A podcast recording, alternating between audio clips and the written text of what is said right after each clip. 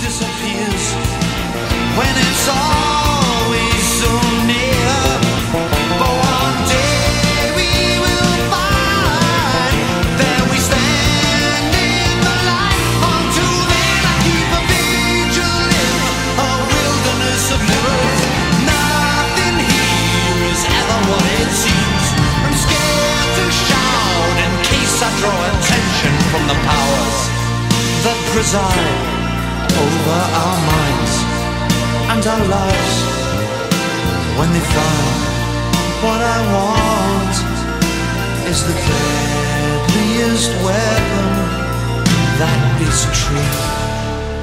Goddag, velkommen til Orange Snak. Mit navn er Kjartan F. Stolberg, og vi har lige hørt sangen, der hedder Vigil af Fish.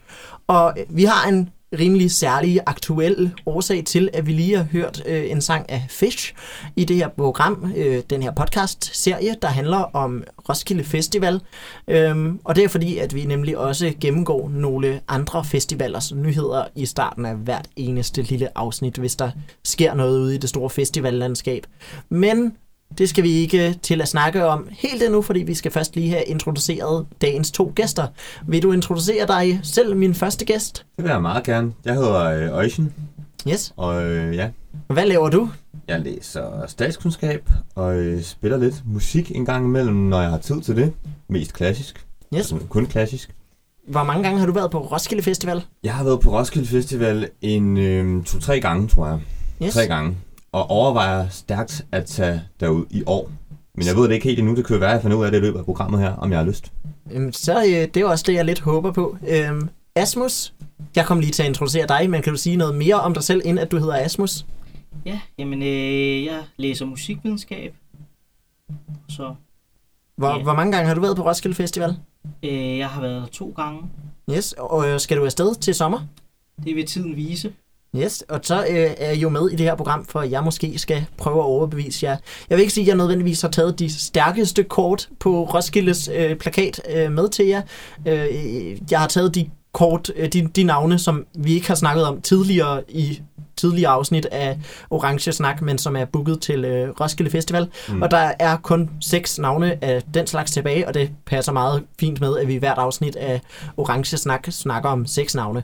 Der er forhåbentlig, der plejer at komme nogle nye navne i slutningen af januar, og vi befinder os lige nu i slutningen af januar, så der kommer forhåbentlig nogle ganske, ganske snart. Men vi skal ikke til at snakke om de navne, der ikke er annonceret. Vi skal snakke om dem, der er annonceret, både til Roskilde Festival og lige først til nogle andre festivaler. Kender I Smukfest? Uh, det siger mig noget. Det har jeg hørt om. Yes, Jeg ved ikke, hvad jeg har hørt om det, men jeg har hørt noget om det i hvert fald. sådan i gamle dage, øh, sådan i, øh, i slutnullerne og i starttierne og sådan noget, der var Smukfest virkelig, det var Danmarks næststørste festival. Det er stadigvæk en virkelig stor festival. Muligvis kan man argumentere for, at det er Danmarks næststørste, men, men jeg vil sige, at den har fået skarpere konkurrence de seneste par år fra festivaler som Tinderbox og Northside og, øh, og fra, øh, hvad hedder det, en øh, Copenhagen også, hvis man skal være lidt mere genre-specifik, som er ja, meget stor festival i forhold til, at den er genre-specifik. Men øh, Smukfest er sådan, det er en rigtig familiefestival. Folk tager derhen, sådan hele familien, det er en tradition, hvis man har været på Smukfest. Øhm, Hvor er det nu, det er? det er i Skanderborg. Nogle gange kaldes den også i folkemunden for Skanderborg Festival. Øhm, men de har annonceret, øh, ja, de har annonceret en masse nye navne. De gjorde det lidt over to omgange. Så først var der øh, 13 nye navne, blandt andet Fish, som vi lige har hørt tidligere forsanger i Marillion. Og øhm, så derudover så har vi også Scarlet Pleasure, Top Gun, Clara, Marvelous Museet, Niklas Sal, Ude af Kontrol, When Saints Go Machine, Emil Stabil, Artie Yardet, Søs Finger, Paul Krabs og Manfred Manns Earth Band. Mm-hmm. Er der nogle af de her navne, der giver jer lyst til at tage på Smukfest, eller hvor I tænker, hmm, der er jo mange danske navne, der er på mange festivaler. Det kunne være fedt, hvis de kom til en festival, jeg også skulle til. Øh, der var især et navn. Øh, Cars Against Humanity, var lige ved at sige, men det er ikke Against- Machine. Lige præcis. Som øh, jeg tror, du har introduce, øh, introduceret for mig, eller den anden vej. Øh, jeg tror, en det gang. var øh, en af dine andre venner, der tog, tog dig med til deres koncert på Roskilde Festival Arena. Jeg har i hvert fald hørt den før og tænkt, det er sindssygt fedt det her. Yes. Og så har jeg glemt deres navn umiddelbart efter, men altså Ja. det... De har udgivet et nyt album for nylig, så øh, de kunne da også være et oplagt navn til øh, Roskilde Festival, lige at komme forbi Arena. Mm. Øhm, Nå, øh, Asmus, er der noget af det, der, der siger dig noget? Ja, der er der noget af det, jeg har hørt. Men det er ikke noget, der får dig til at tænke, fuck, jeg skal på Smukfest i år. Nej, nej. Nej. Det er også heldigt, fordi Smukfest er udsolgt. Øh, det, den bliver altid udsolgt på 0,5. Øh, sådan ofte før de har annonceret særlig mange navne. Så stor en tradition er det bare for, for Smukfest-gængere. Mm. Øhm, men der er stadig en dags billetter til salg. Nå, vi har også fået til Smukfest øh, noget, der hedder Made in Denmark. En hyldest til dansk hiphop, som blev annonceret lidt øh, senere. Det blev annonceret den 21. januar, øh, hvor vi fik øh, ja, en øh, hiphopfest, øh, hvor en masse danske rapstjerner, de kommer og laver et nummer, kun et, i løbet af sådan en, en øh, lang maratonkoncert. Og de navne, der kommer forbi der, det er Artie Hjartet, den Gale Pose, Emil Stabil, Johnson, Jokeren, LOC, Elron Harald, Marvelous Museet, Marwan, Odense Assholes, Outlandish, Rockers by Choice, Sivas, Tessa, Top Gun, Ude af Kontrol, UFO og Jeppa. Har I et forhold til nogle af de rapstjerner der? Altså, jeg har engang... Øhm, Emil Stabil siger man nu. Du har også nævnt ham en Ja. gang. Ja. Han, han, han har også været på Smukfest. Ja, Passer og, øh, Du nævnte og, ham i og på. Roskilde. Han er ret gammel nu, er han ikke det? Ej, han, han er... Ja, hiphop er sådan et landskab, hvor at, øh, han er ikke en del af den nye skole længere. Okay. Han, Okay. han har efterladt sit fodtryk, kan man sige. Men Ja. øh, han har stadig kæmpestore hits, og øh, her sidste år, hvor han øh, også øh, gav en kort optræden på Roskilde Festival i en del af deres øh, hiphop marathon koncert.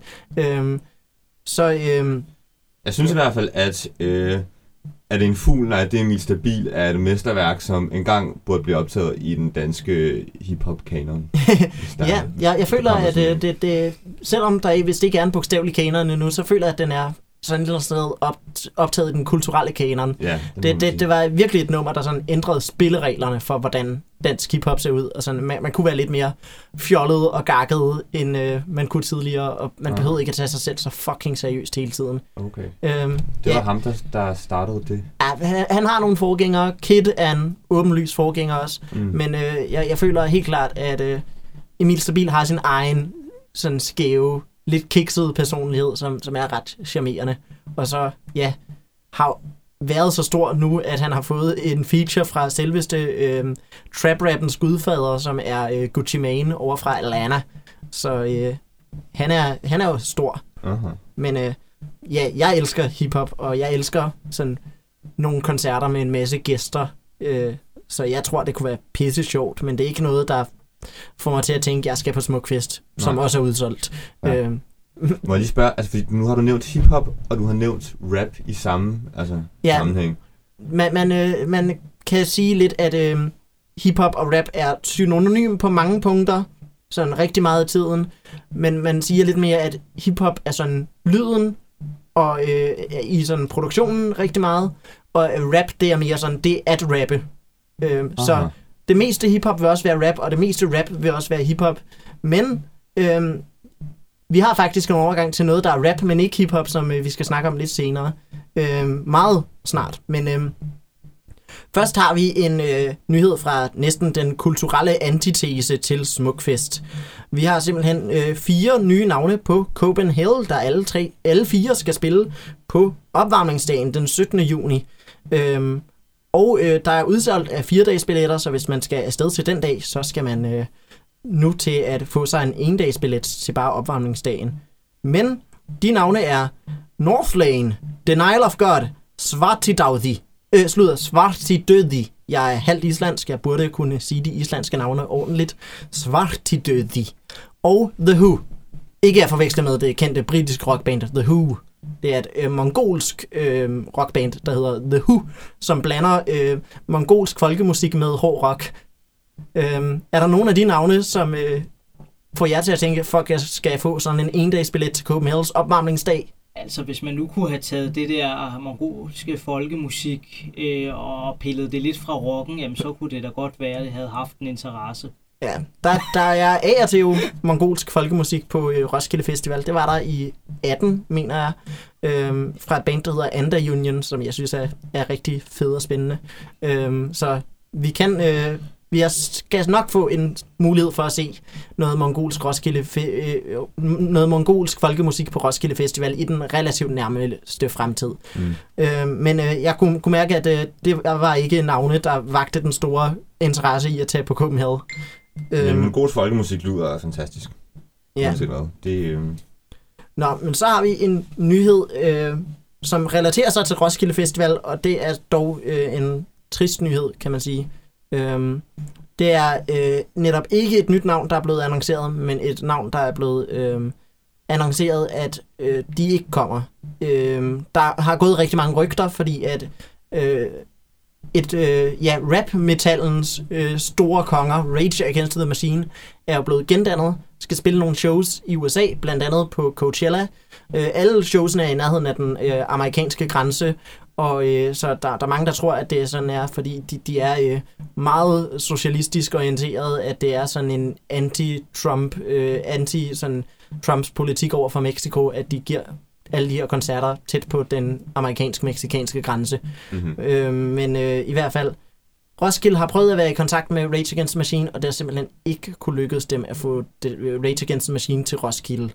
Øh, spørgsmålet er, om det er fordi, at der er en anden dansk festival, der har fået dem, eller om øh, det er fordi, at de simpelthen bare ikke gider at spille uden for USA. Vi ved det ikke endnu. Vi ved bare, at Rage Against the Machine kommer ikke på Roskilde, til trods for, at rigtig, rigtig mange havde håbet på det. Mm. Havde I håbet på Rage Against the Machine?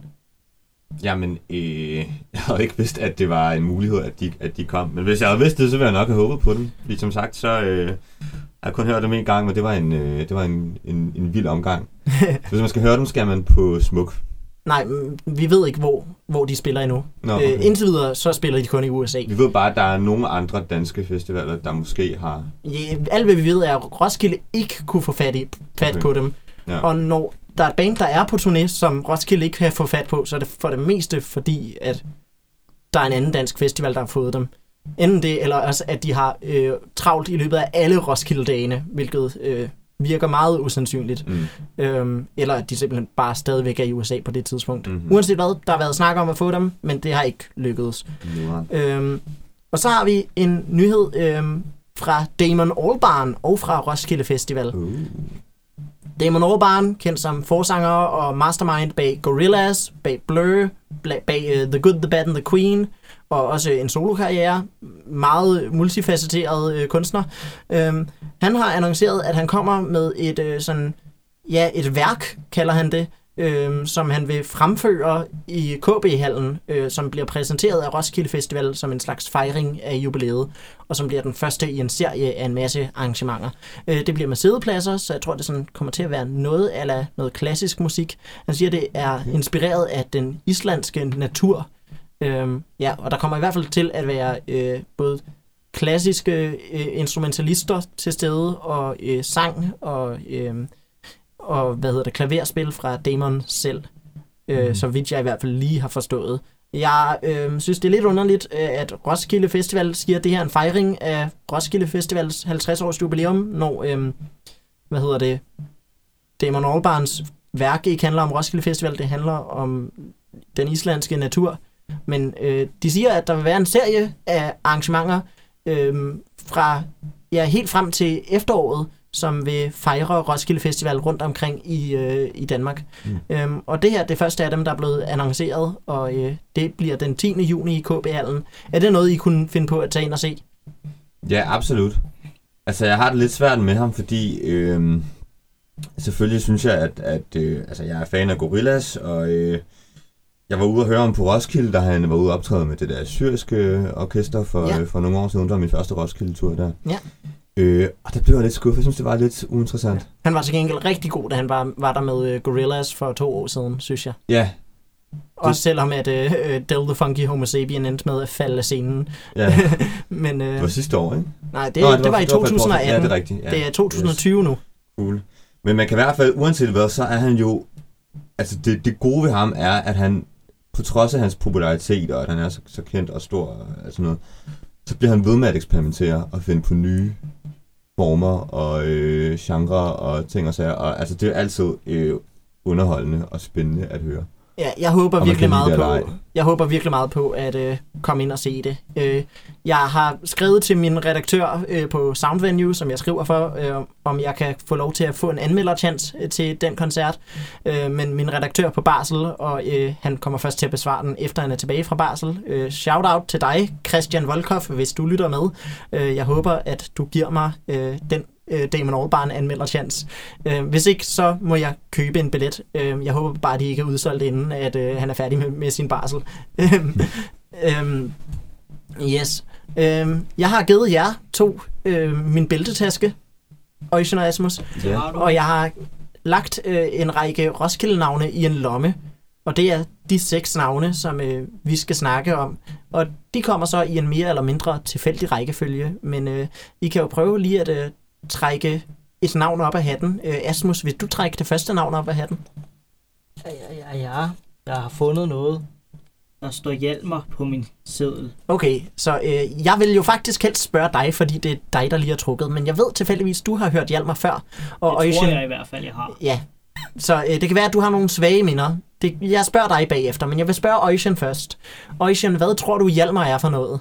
Jamen, jeg er lidt splittet, fordi det, det, det er sådan lidt et sådan oldnordisk navn, ikke? Det kunne Ja. godt være sådan noget øh, øh, heavy metal, øh, sådan noget rigtig nordisk, sådan asertro-agtigt noget. Øh, sådan nogle store, øh, skaldede, tatoverede mænd, der går ud og, og giver den gas på sådan nogle, altså, sådan noget røg og sådan en kæmpe plakat af Yggdrasil, øh, øh, øh, bagved den, forestiller jeg mig umiddelbart, hvis de skulle optræde på en scene. Så det kører jeg med. Jeg tror, at det er sådan noget i den dur, vi er ude i. Jeg har siddet og grinet øh, til det her, og jeg tror, alle, der nogensinde har hørt Hjalmar, øh, nok har den samme reaktion. Asmus, du tror, du måske har hørt Hjalmar før. Jeg, jeg er Øh, blevet meget sikker efterhånden. ja, øh, hvad, hvad, hvad, hvad føler du, at Hjalmar er, hvis øh, du blander dine fordomme med dine øh, sådan svage minder? Jamen, det, det er vel det er jo nogenlunde så popdreng, som man i virkeligheden kan blive, vil jeg sige. Yes. Øh, ved du, øh, hvem øh, Hjalmars far er? Nå. Og det er øh, Kim Larsen. Jo, det er Kim Larsen, der er Hjalmars far. Du er det rigtigt. Ja, ja, Hjalmar Larsen. What? Men han ville helst ikke... Han, han øh, fik faktisk en pladekontrakt, uden at hans far overhovedet kendte øh, noget til det. En dag, øh, så gik Kim Larsen bare ud i køkkenet, og øh, ja, øh, han hørte sådan noget radio, og sagde han, Hey Liselotte, er det ikke Hjalmar? Og så, øh, så siger Liselotte, som er, var Kim Larsens kone indtil Kim Larsen døde, at øh, jo, det, det, var- det, var, det var Hjalmar. Mm. Øhm, og så på den måde fandt de ud af, at deres søn var blevet popstjerne øh, ved at høre ham i radioen. Yes. øhm, Det er, også, det er måske også lidt en, øh, sådan, måske en trist konsekvens af at være øh, søn af en øh, stor kendt øh, sanger, at man virkelig har brug for at distancere sig fra personen ja. for, at, at trænge igennem som, som sig selv. Ja, uden at øh, jeg vil afsløre meget mere, så tror jeg, jeg vil sige, øh, det kommer ikke til at skygge særlig meget over jeres dom. Det her lyder ikke som noget, Kim Larsen nogensinde har lavet. Øhm, yes, øhm, jeg har taget en sang med, jeg føler jeg er rimelig god til at øhm, præsentere, hvem Hjalmar er for jer. Så nu skal vi høre sangen af Hjalmar, der hedder Koldt. Endeløse nætter Rødvin og sommerfester. Dine bide mærker på den allerførste smøg vi del Du er kommet videre, men det er jeg ikke helt. Og bare se mig nu. Se hvor jeg er ulykkelig og alene. Jeg har bare brug for nogen fortæller mig. Jeg kører det op og alt er fint jeg troede vi kunne bare længere Men du står allerede og vinker Okay, jeg har forstået Du ikke lover nogen noget Man skulle tro Jeg voksede fra Mit teenage-hoved Savner Det her, det var Koldt af Hjalmar. Og øh, Øjsjen, du har jo aldrig hørt Hjalmar før. Nej. Øhm, hvad synes du om det, du lige har hørt? Jamen, jeg synes, at jeg har det sådan lidt, at, at hvis jeg havde hørt ham, det kan jo godt være, at jeg har hørt ham til en eller anden fest ude på, øh, på CSS klokken, øh, klokken 2 om natten, så, altså, så vil jeg ikke huske det. ja, han vil simpelthen ikke sidde. Det, det kan sagtens være, at jeg har hørt ham masser af gange før, uden at jeg ved det. Men jeg savnede lidt de der øh, store, øh, skaldede, tatoverede mænd med heavy metal guitarerne og øh, Yggdrasil svingende i, i baggrunden. Det synes jeg, Jeg ved det ikke. Altså, det siger mig ikke rigtig særlig meget. Nej. Asmus, hvad, hvad synes du om øh, den sang, du lige har hørt? Men jeg kan faktisk ikke rigtig huske den, må jeg indrømme. Maja, Du har allerede Maja. Maja, Jamen, er du her, når det bliver koldt? Ja, det, den, den, den er da catchy. Det må man da give den. Det føler jeg i det mindste. Øh, det- jeg synes ikke, Jamen, den er det, det særlig er god, netop, men det er jeg synes, det, er jeg catchy. faktisk ikke synes, den er, Nå, fordi jeg ej. synes, han har lavet meget andet, hvor man har en eller anden melodistum i hovedet bagved, men altså, jo, der er måske lige et lille outro, der sidder lidt fast, men altså, resten af sangen er jo glædet væk, ja. Inden man for, forstår den, eller inden man har hørt den færdig. Det er lidt nogle, lidt nogle tomme melodilinjer i virkeligheden. De, de vil ikke rigtig noget. Ja, han, han øh, kører sådan lidt i den her sang øh, med sådan lidt et flow, der lidt minder om, at han rapper, men stadigvæk med noget melodi, Mm. melodi til. Sådan Ja. lidt øh, ala øh, Ed Sheeran. Ed Sheeran gør også rigtig tit det med, at han sådan lidt er i blanding mellem at synge og at rappe. Mm-hmm. Øhm, ja, jeg er så heller ikke særlig begejstret for Ed Sheeran, og jeg er heller ikke særlig begejstret for Hjalmar. Okay. Øhm, jeg, øh, ja, jeg havde nok regnet med, at det ville være lidt jeres reaktion. ja. Øhm, jeg vil gerne komme med en masse andre spændende fakta om Hjalmar. Han var på Roskilde Festival sidste år. Det er i hvert fald et faktum om ham. Mhm. Øhm, der spillede han på øhm, Rising-scenen, som jo er scenen for up-and-coming kunstnere, og allerede det år var han sådan måske lidt for stor til at spille på Rising. Øh, Så han er ret stor nu. ja, han er ret stor. Nu, nu bliver han en del af hovedprogrammet. Mm. Øhm, øhm, ja, jeg, jeg savner også virkelig ting at sige om, om ham. Jeg plejer at komme med sådan info. Han har, han har udgivet et album. Det er ikke særlig godt. Det er faktisk et af de værste album, jeg hørte sidste år. Mm. Men jeg vil sige også, jeg hørte langt færre dårlige album sidste år, end jeg plejer at gøre. Øhm, Så var han bare uheldig. Ja, jeg, han, jeg, jeg tror nok stadig, jeg synes virkelig ikke, det var særlig godt eller spændende. Det var øh, virkelig bare definitionen på intet sigende almindelig pop, og den eneste årsag til, at jeg hørte albumet hele vejen igennem, det var fordi, jeg skulle skrive noget om ham, til at han kom på Roskilde. Jeg skriver på min Facebook altid, når der kommer nye navne, hvad jeg lige synes om dem. Og han sagde mig så lidt, at jeg simpelthen nåede igennem hele albummet, inden jeg havde fået sagt sådan et par få sætninger om, hvad jeg synes om ham.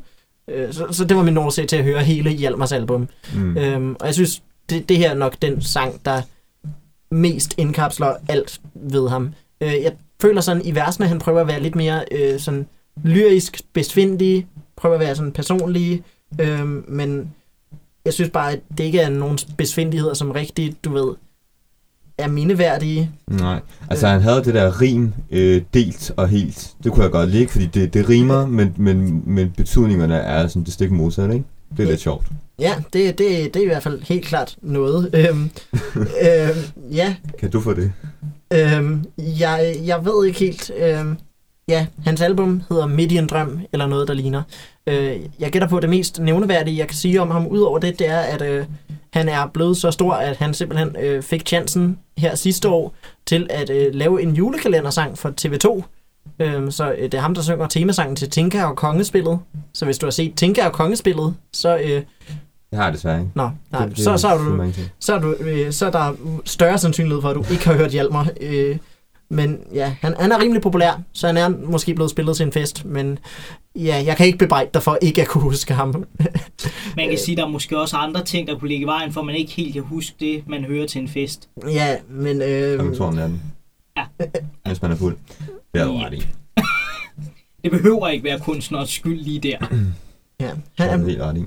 han er, jeg tror, han har rigtig mange fans, der øh, er super forelskede i ham og har lyst til at føde hans børn, men øh, jeg er ikke et af dem. Det er måske også meget godt. Ja, jeg er ikke et af børnene, kommer jeg lige til at sige. Jeg er heller ikke en af fansene. Øh, nej, jeg, jeg planlægger ikke at føde børn i den nærmeste fremtid. Øh, Er han sexet? Øh, det, det, det, det er der Nej, folk, der synes. Øh, ikke rigtigt. jeg, jeg kender folk, der synes. Øh, jeg tror, jeg har lovet øh, en tidligere gæst i det her podcast ikke at sige noget videre, men jeg har mindst en ven, der tidligere har været gæst i det her podcast, øh, som synes, han er sexet. Øh, ja, Alright. jeg tror, jeg har kun lovet at lade være med at sige det højt i radioen, så vi kan sige det in between ourselves, øh, når øh, det, det her er færdigt. Det tror jeg ikke, han har noget imod. Øh, men øh, Intriguing. ja, det var lige sladderportionen af Oh, orange ja. snak, ora- orange sladder. Øh, siden vi har konkluderet, at der ikke er særlig meget mere at sige om Hjalmar, skal vi så øh, til at snakke om noget andet. Øh, Ocean, Ja. vil du måske trække det næste navn? Det vil jeg rigtig gerne, men... Ja, det er så Jung. Ja, Jung. Jung. Øh, Asmus, vil du starte den her gang? Hvad forventer du af et navn som Jung? Ja, hvad forventer jeg? Jamen, øh, der er et eller andet i mig, der sådan siger noget blød rock. Øhm, Noget med svung i. og- ja, øh, ikke helt. Men, men ja, noget, noget blød rock, måske lidt i retning af noget eksperimenterende. Ja, altså, øh, Ocean, hvad, hvad tror du, Jung er? Øhm, jamen, jeg har det lidt på samme måde. Jeg tror, at det er noget, noget eksperimenterende øh, øh, psykedelisk noget. Men det er måske, fordi han associeres med, med ham der, Carl Jung der. Ja. Det, det, Jeg ved ikke, øh, hvorfor de har navngivet sig selv Jung. Øh, deres musik minder mig i hvert fald ikke om Carl Jung. nej, okay. Øhm, Er det ungdomligt Ja, jeg tror- måske? det, det er ret ungdomligt, men også sådan lidt nostalgisk. Øh, det er i hvert fald, du har fuldkommen fucking ret i, at det er noget ret blød rockmusik. Øh, så der, der ramte du lige hovedproblemet. på. Det, jeg synes ikke, det er særlig eksperimenterende. Men øh, det er jo også domme, som I måske selv skal lave, efter at I har hørt et nummer af Jung. Øh, så her kan vi spille Jung med deres nok største hit indtil videre. Øh, det har vist øh, været spillet en del på B3 og sådan noget. Det hedder Hun kommer tilbage. Ingenmandsland med mig fordi I handling så langt væk for at bevise Hvad skal vi nå? Hvor meget liv skal der til? Og tager vi timer det her?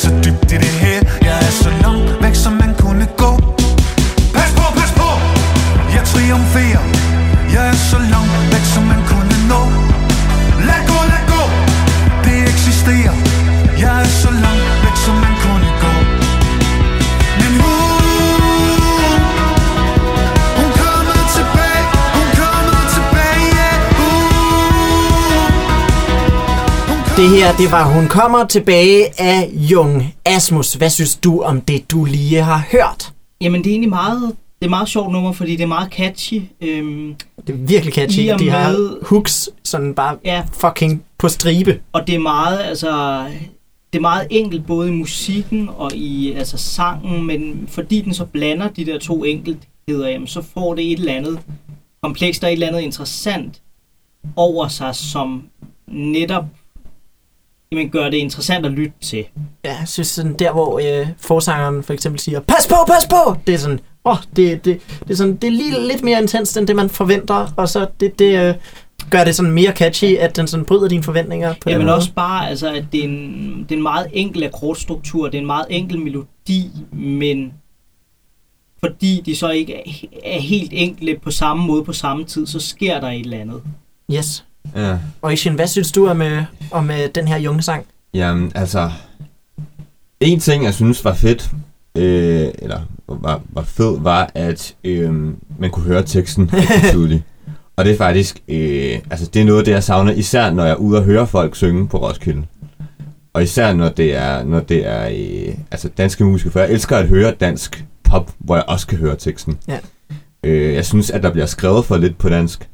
Øh, og jeg synes, at altså, der er, der er tit et potentiale der, der ikke bliver brugt, når man, når man skriver på dansk, og man så ikke kan høre, hvad, hvad det er, man synger. Jeg er rigtig ked af at sige det, så at det er den eneste sang på dansk, som vi skal høre i dag. Okay, fair.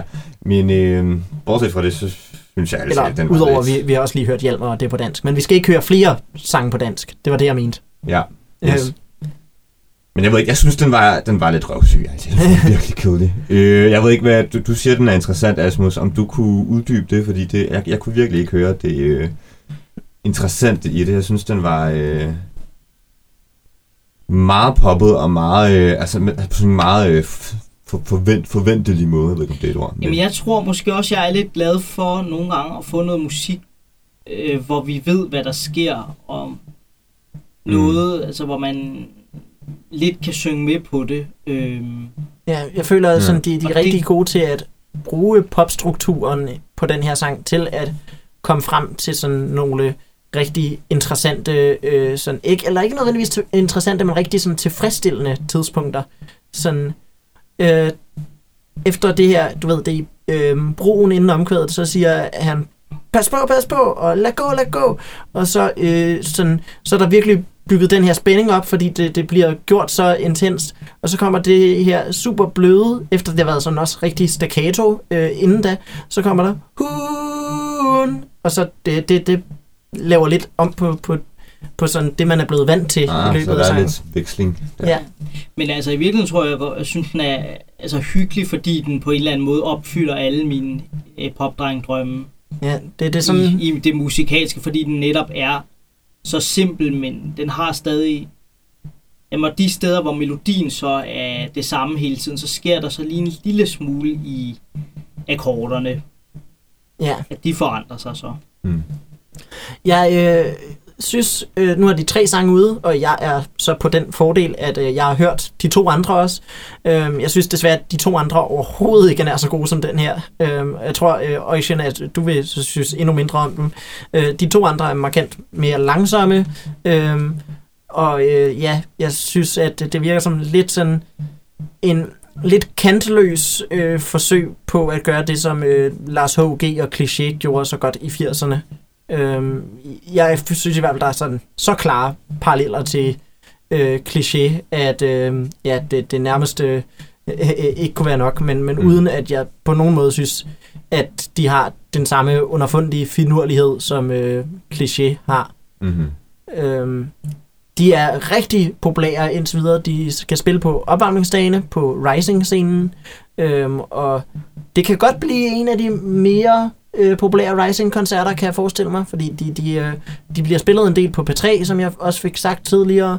Og øhm, ja, de har øh, spillet support for øh, Benal her over julen øhm, i Store Vega til øh, en række udsolgte koncerter. Så der har de jo også øh, fået et nyt publikum, sandsynligvis. Øhm, også en sjov sammensætning, fordi Banal er jo en hip-hop duo, og øh, ja, Junge laver virkelig ikke hip-hop overhovedet. Nej. Men øh, ja, Banal følte alligevel, at øh, de passede som opvarmning. Øh, så øh, det, det er jo... Øh, ja, det, det er helt klart... Øh, Helt klart, at de, de er rimelig populære. De er også allerede udsolgt øh, en kommende koncert, mener der i øh, Lille Vega. Så øh, jeg er et eller andet sted øh, lidt forundret over, at noget, der er så gennemsnitligt på en eller anden måde, får så, så meget opmærksomhed. Altså en ting er, at det bliver spillet i P3, det er jo, det bestemmer de deroppe, hvad de spiller. Men at der, der er mange, så mange mennesker, der øh, sådan helt af sig selv øh, har besluttet sig for, at de skal bruge penge på at øh, tage til en koncert med Jung. Det undrer mig lige lidt. Øh, Men hvad tror I, det, er det, det skyldes? Har der en forklaring? Altså, Øhm, jeg tror simpelthen, at jeg tror, at den her sang skyldes, øh, skylder det hele meget mere, end de to andre gør, fordi mm. øh, jeg, jeg synes, at den er netop god til at opbygge noget forløsning. Jeg synes, selvom det ikke er et mesterværk på nogle punkter, øh, på nogen måde, så føler jeg, at det, det er sådan en første single, der sådan viser potentiale, og, og øh, jeg tror også en anden årsag til det er, at udover at de minder meget om øh, cliché, så minder de også om et andet band, som igen er blevet sammenlignet med cliché, øh, og som er meget populært. Øh, det, det er simpelthen, at jeg tror, at årsagen er, at øh, Minds of 99 er så populære, og det her kommer til at aktivere noget i folk, hvor det minder dem om Minds of 99, som Ah. de jo allerede er øh, rigtig glade for. Og der er virkelig mange bands de her år, der dukker op og minder rigtig meget om Minds of 99. Og jeg synes ikke, øh, at Jung er et af de mere interessante af dem. Øh, Nej. Jeg kan meget bedre lide sådan en band som Zar Paulo, øh, for eksempel, der, der har også nogle klare Minds-paralleller. Men, men, øh, men Minds er jo trods alt noget mere syret, ikke? End det jo, det, det kan de være. Så det, det føles igen også meget som nedvandet udgave end af det, Minds laver.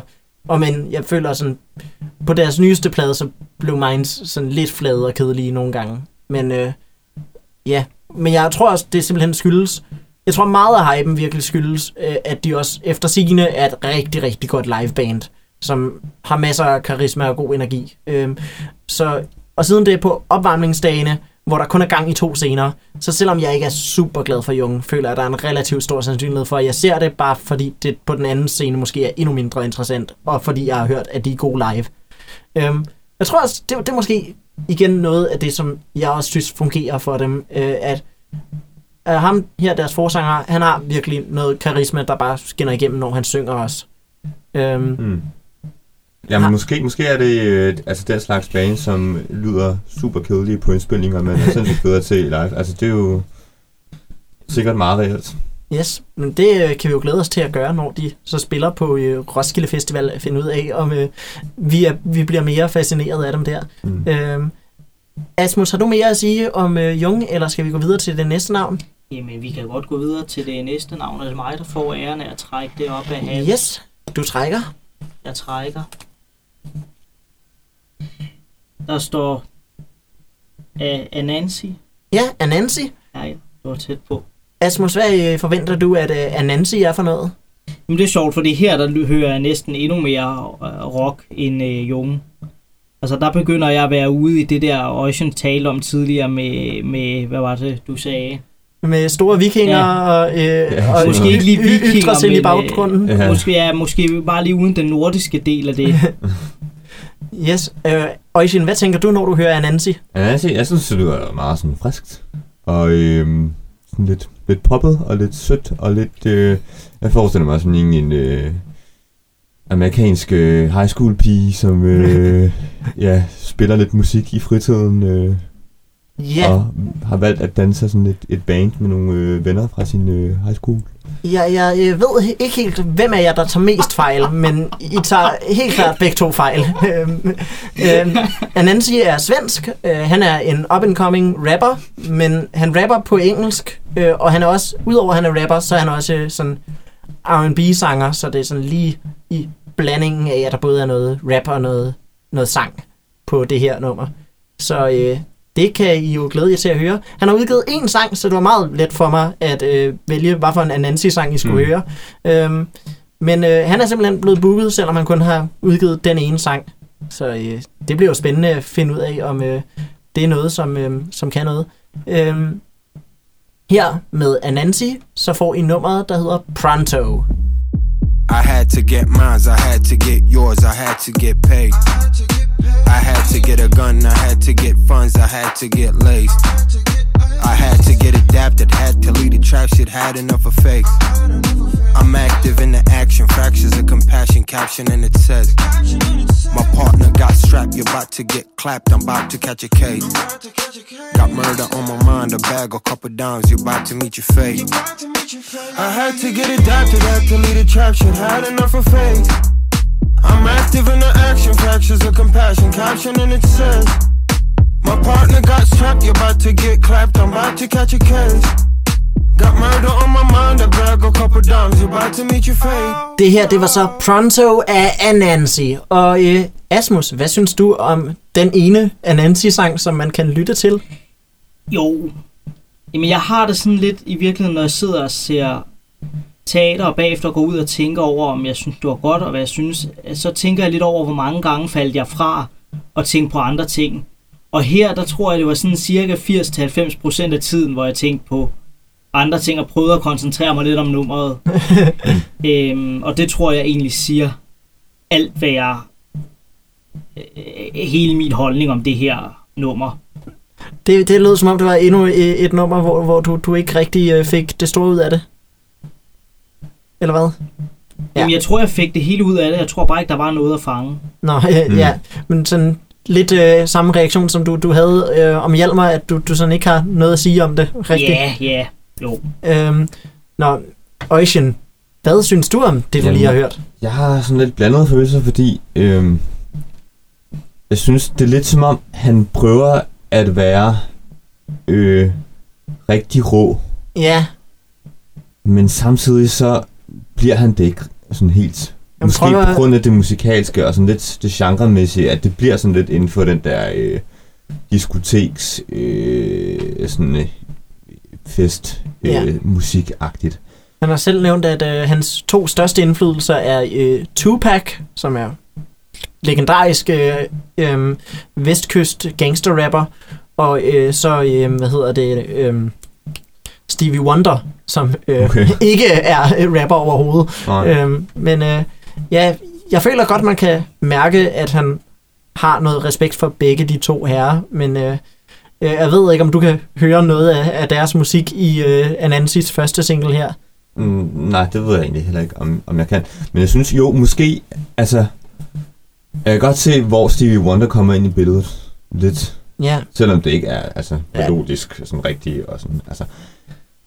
Men måske skulle han lægge det fra sig. Måske skulle han lægge Wonder-delen fra sig, og så gå all in i det der sådan rå, øh, ja. øh, rigtig rap øh, tekstmæssige, og så droppe de der musikalske, øh, sådan bløde... Øh, ja, Ja, også selvom jeg, jeg synes, Jo. han er jo helt klart en dygtig sanger. Hans stemme lyder pisse lækkert. Øh, men jeg kan godt se, at øh, sådan, den der diskrepans kan være sådan lidt øh, frustrerende fra et kunstnerisk perspektiv. Øh, ja, jeg, jeg synes, øh, selvom han selv nævner Stevie Wonder og, øh, og ja, Tupac, så er der to navne, som øh, han minder mig meget mere om. Øh, to, to navne, der har haft rigtig stor succes øh, med at blande pop og hiphop øh, de, de seneste par år. Han minder mig enormt meget om Drake, som jo er kæmpe superstjerne, øh, og så om øh, et lidt nyere navn, øh, som øh, spillede på Roskilde her sidste år, som hedder øh, Brockhampton, øh, som øh, ja, begge to er, er ret, altså jeg føler nærmest, at han har flowet i versene, er, har Brockhampton også brugt, er jeg rimelig overbevist om. mm, Øh, men jeg synes, øh, Brockhampton er sådan virkelig, virkelig gode til at få sådan energiske, lidt rowdy øh, vers til at hænge sammen med sådan lidt mere følsomt omkvæd. Måske også fordi, at sådan, de er mere følsomme også, og man, man kan simpelthen mærke gnisten af, hvor følsomme de er. Øh, men det er også sådan, ja, jeg kan godt se sådan, når han synger, det, det, sådan, man kunne ændre teksten til, at det var en kærlighedssang på omkvædet, ikke? Ja, og det vil præcis. lyde helt, helt fint. ja. Men i stedet for, så er det sådan, get the fuck off of my face, pronto! ja, og der er noget om mor og skyderier og sådan noget, Ja, som bare men der er også noget om sex, det, det er sådan der er lidt... også noget øh, om sex, ja, så det er også sådan lidt... Der er lidt hjelm over ham. Jeg er sådan lidt tilbage til det første nummer, vi hørte. Der er sådan lidt ja. et forhold, der er gået i stykker og sådan nogle ting. Jeg synes bare, at du ved, han synger jo virkelig fucking godt. Øh, hans sang lyder helt vildt lækker. Og øh, altså, selvom hans måde at rappe på, den er ikke super kon- kompleks, den sidder stadig sådan lidt fast i det foregående århundrede, sådan meget det der øh, konkrete, kontante, lidt Tupac-agtige flow. Men åh, jeg, synes, jeg synes, der er et eller andet, der virker. Måske er det bassen, måske er det produktionen. Han øh, producerer vist også sine sange selv. Øhm, og jeg synes måske, at hans øh, vokal er lige lidt højere i mixet i rapversene, end jeg, jeg havde ønsket. Jeg, jeg kunne godt tænke mig, at han, han lød lidt mindre sådan, øh, ja, overdøvende, øh, end han gjorde. Men øh, jeg, jeg, synes, øh, jeg synes godt, at det kan noget, øh, det, det han har gang i. Ja, jeg, jeg kan godt følge dig. Jeg kunne godt finde på at høre det en anden gang, ja. synes jeg. Jeg ved ikke, om jeg vil tage på Roskilde for det, men... Øh, Nej. Måske er det ikke noget, noget der øh, i sig selv kan få dig på Roskilde, men øh, hvis du er der, kunne det så være måske noget, du, du vil tjekke ud? Også ja, mens det, tror det er jo jeg, jeg kunne godt finde på forbi. også det er jo opvarmningsdagene, så der er højst et andet band, der spiller samtidig. Ja, jeg Øhm, kommer selvfølgelig an på bandet, men... ja. Øh, Hvi- Hvis øh, Jung og Anansi spillede samtidig, hvem vil du så se? øh, klart er Nancy. Og, Ingen øh, tvivl om det. Og øh, Asmus, hvad er du på? Øh, jo, for guds skyld. Ja. Jeg, jeg øh, vil ikke aktivt slukke Nancy, hvis det kom på. Og jeg sad i et rum, hvor det blev spillet, men altså...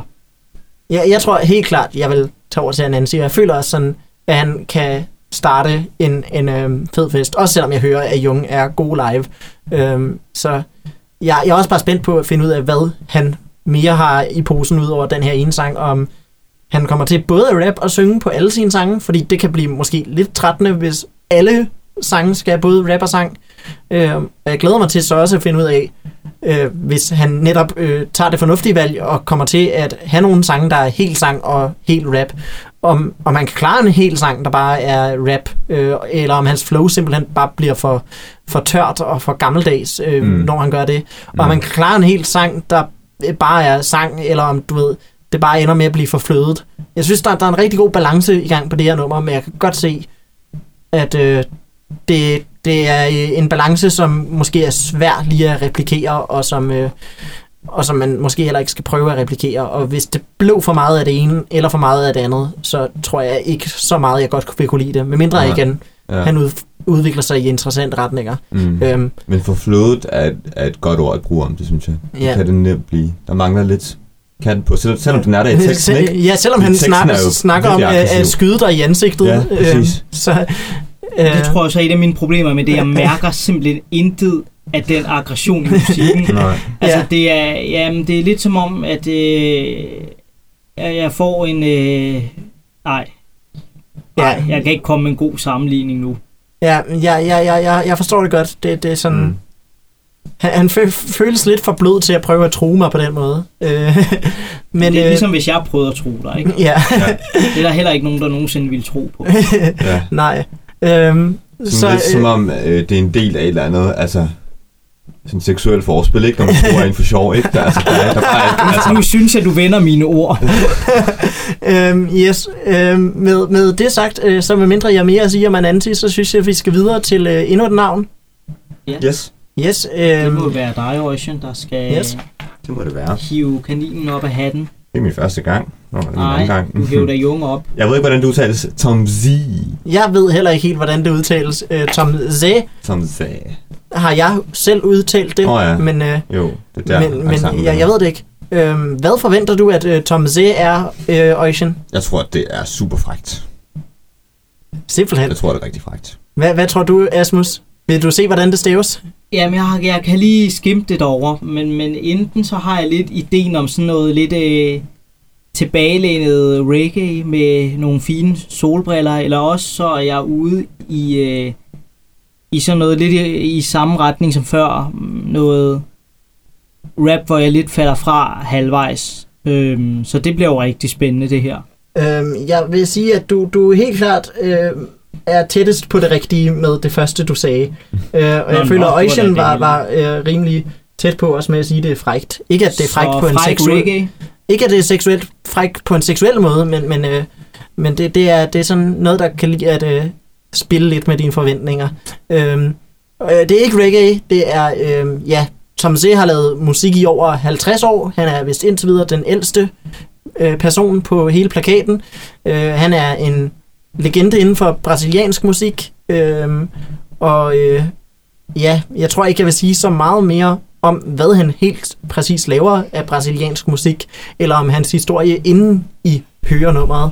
Øh, igen med så mange års musikalsk erfaring, så var det svært lige at finde bare et nummer at plukke af ham. Men jeg føler, at jeg fandt det, øh, og selvom jeg ikke har øh, mast mig igennem hele hans meget store diskografi endnu. Øh, her er et nummer af Tom Z, der, hvis jeg husker, hvordan det udtales i sangen, så antager jeg, at sangen hedder May.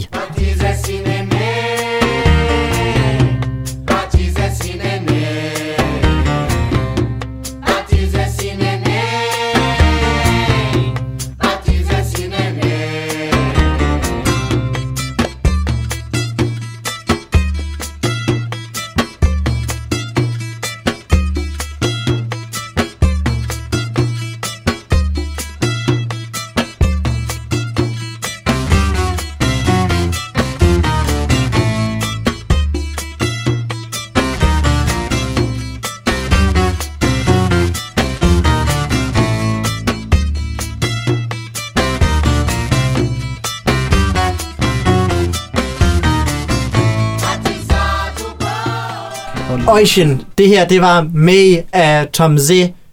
Du øh, havde lyst, og du, eller du forventede i hvert fald noget frægt. Var det her frægt nok til at tilfredsstille dig? Det var, øh, det var frækt nok, og det var frækt på sådan en... Øh, altså, det var musikalsk våde.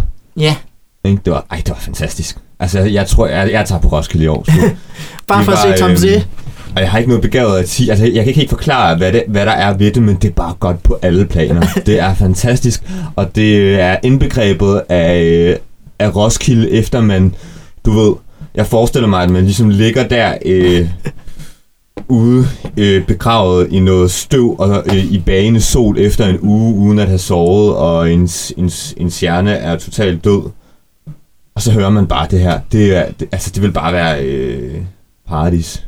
Yes. Jeg tror, at det vil... Øh, ja, jeg er solgt. Asmus, hvad, øh, hvad synes du om den Tom Z-sang, du lige har hørt? Jamen, jeg, jeg er også meget, meget imponeret. Det, det er meget intelligent musik i virkeligheden. Øhm, og så to ting, jeg gerne lige vil sige om det. Det er både det med, at det, altså det kommer med nogle meget vågede små hvad kan man sige, motivstumper, som så bliver spillet så mange gange, at man vender sig til det, og så kommer der et eller andet nyt igen, man ikke havde forventet. Det, det er meget godt resumé af sangen. Og også øh, jamen, det med, at der er lidt, øh, lidt verdensmusik over det, og det har jo i hvert fald i akademisk kreds ofte været et lidt kontroversielt emne, fordi det ofte har sådan snært af noget øh, egocentrisk. Ja, eller i hvert fald sig. begrebet Ja. verdensmusik, Ja. mere end musikken i sig selv. Ja, og der, altså ikke at den måske helt undgår at falde i alle de fælder, der er blevet lagt, og det kan man så også diskutere, om den skal, men den, den undgår lidt det at gå på alle de der europæiske og vestlige præmisser, som noget verdensmusik og noget øh, musik, som bliver importeret til Europa og USA gør. Øh, og det, det er interessant at høre på. Øh, det er ikke bare et nummer, der vil tilfredsstille os som vestlige lyttere, men at det er et nummer, som vil noget for sin egen skyld. Ja. Mm. Han øh, en del af... Der er faktisk en meget interessant øh, øh, historie om ham, der involverer en masse international politik. Øh, så det er øh, rigtig sjovt. Øh, han startede sådan i 60'erne. Øh, så øh, lavede han en genre, der hed øh, Tropicalia, som er sådan en af de øh, mest øh, populære genrer, i hvert fald, der er kommet ud af Brasilien. Øh, både øh, i landet og internationalt. Øhm, og han har været en af de allervigtigste inden for den genre. Jeg ved ikke, om det her nummer nødvendigvis er i det, man vil kalde Tropicalia, men fordi Tropicalia plejer at være meget mere roligt, og han har som andre ord også nogle sange, der er meget mere sådan afslappede, og Mm. bare kan, kan hygge sig til dem, men hvor han så- sådan stadigvæk viser en masse virtuositet. Øhm, men øh, i hvert fald, øh, ja, så skete der det, at øh, i Brasilien var der så et øh, militært diktatur. Øh, og øh, ja, de øh, begyndte at forfølge folk, der spillede Tropicalia, og øh, Tom Z blev nærmest nødt til at lægge karrieren på hylden øh, på grund af, af den her hets, som øh, det to, den totalitære regering øh, drog mod den musik, han lavede, også fordi meget af det var sådan protestmusik og meget, Mm. ja, den slags. Ja. Øhm, så øh, en dag, øh, så gik David Byrne, forsanger i Talking Heads, han gik rundt øh, i, øh, i Rio de Janeiro, og så falder han over en plade, der hedder øh, Estudando o Samba, som er en plade af Tom C. Og øh, ja, så øh, hører han den, og han bliver så forelsket i den. Øh, og øh, Tom C., der nærmest ellers har lagt karrieren på hylden, han bliver så kontaktet af David Byrne, som er sådan, vil, vil du ikke komme på mit pladeselskab og, og øh, ud- udgive din musik der? Ej, Og, vildt. og, øh, og vi kan også gen, ud, ud- udgive genoptryk af dine gamle plader. Og på grund af det, så fik øh, Tom Z det her øh, store, mere internationale gennembrud og en total revitalisering af den karriere, som øh, han ellers troede var øh, død og begravet for længst. Øh, Roskilde Festival har prøvet at booke ham flere gange siden da, øh, og Desværre har Tom Z øh, aflyst Roskilde Festival to gange tidligere. Han skulle også spille der i 2015, kan jeg i hvert fald huske. Mm. Øhm, hvor øhm, jeg må indrømme, jeg var ikke særlig glad for ham dengang. Men øh, jeg, jeg synes, han øh, meget mere taler til mig nu, end, end han gjorde på det tidspunkt. Mm. Han er jo blandt andet blevet kaldt for den brasilianske øh, Captain Beefheart og den brasilianske Frank Zappa, fordi at, øh, ja, udover at han har netop de her Tropicalia-numre, som er sådan lidt mere bløde og, og rare at lytte til, så, øh, ja, så har han også numre som det her, der som overhovedet ikke engang er hans mest weird nummer. Det her, det er sådan et nummer, som du ved, har en puls, så man kan danse til det, og der er nogle numre, der er meget mere øh, out there end det her. Det her, det er sådan, det kan man synge med på. Det er, det er hyggeligt. Ja. Jeg, jeg er virkelig meget i tvivl om, øhm, hvad han kommer til at bringe til Roskilde af, af sådan sit bagkatalog. Om det kommer til at være de her weird sange, eller de mere rolige nogen. Ja. Men øh, Kan du egentlig mange øh, eksempler på øh, gode musikere, der er blevet kendte i kraft af, at der er en anden kendt musiker, som har opdaget dem og ligesom bragt dem frem til øh, åbenbaret Altså- dem for verden, som øh, Burn og Tom C. Er det, er, sker det tit? det, det sker jo af og til. Øhm, altså, ikke nødvendigvis med så mange års mellemrum, ikke? Mm. Mm. Øhm, altså, der er jo rigtig tit øh, øh, en masse musikere, der jo er blevet populære, fordi en anden musiker har tænkt sådan, du skal med og være vores opvarmningsband til vores koncerter og sådan noget. Øh, sådan for eksempel David Bowie var en stor del af årsagen til, at Nine Inch Nails blev så populære. Øh, øh, og øh, ja, øh, i hiphop-verdenen sker det endnu oftere, at sådan, folk nærmest gør andre rappere til deres, så at sige, lærlinge. Og sådan, Kanye West har været øh, sådan meget en mentor for øh, øh, Travis Scott og for Chance the Rapper og for Kid Cudi til at gøre dem mere populære og Ja. tage dem ind under vingerne og sørge for, Ja. at de med på, med på hans øh, sange.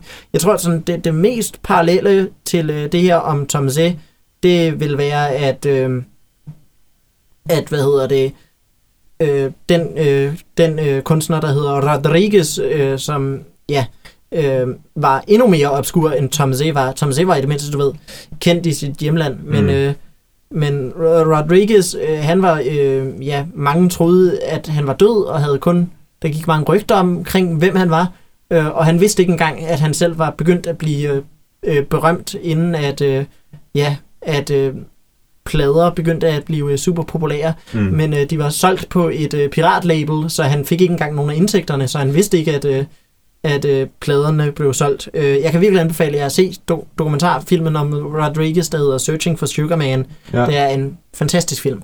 Spændende. Øhm, men øh, ja, det er ikke nær så øh, stor grad af sådan gå fra ingenting til alting øh, med Tom Z, som det øh, var med Rodriguez, fordi Tom Z var alligevel sådan øh, relativt anerkendt i Brasilien, men Mm. øh, ja, det, det var en, en helt anden opvækning, der skete, da David Byrne fik fat i ham. Mm. Øhm, ja, jeg, jeg kan virkelig godt lide den her sådan mere øhm, ja, udfordrende side af Tom Z, hvor han har gang i de her virkelig spøjse dissonanser og skæve rytmer.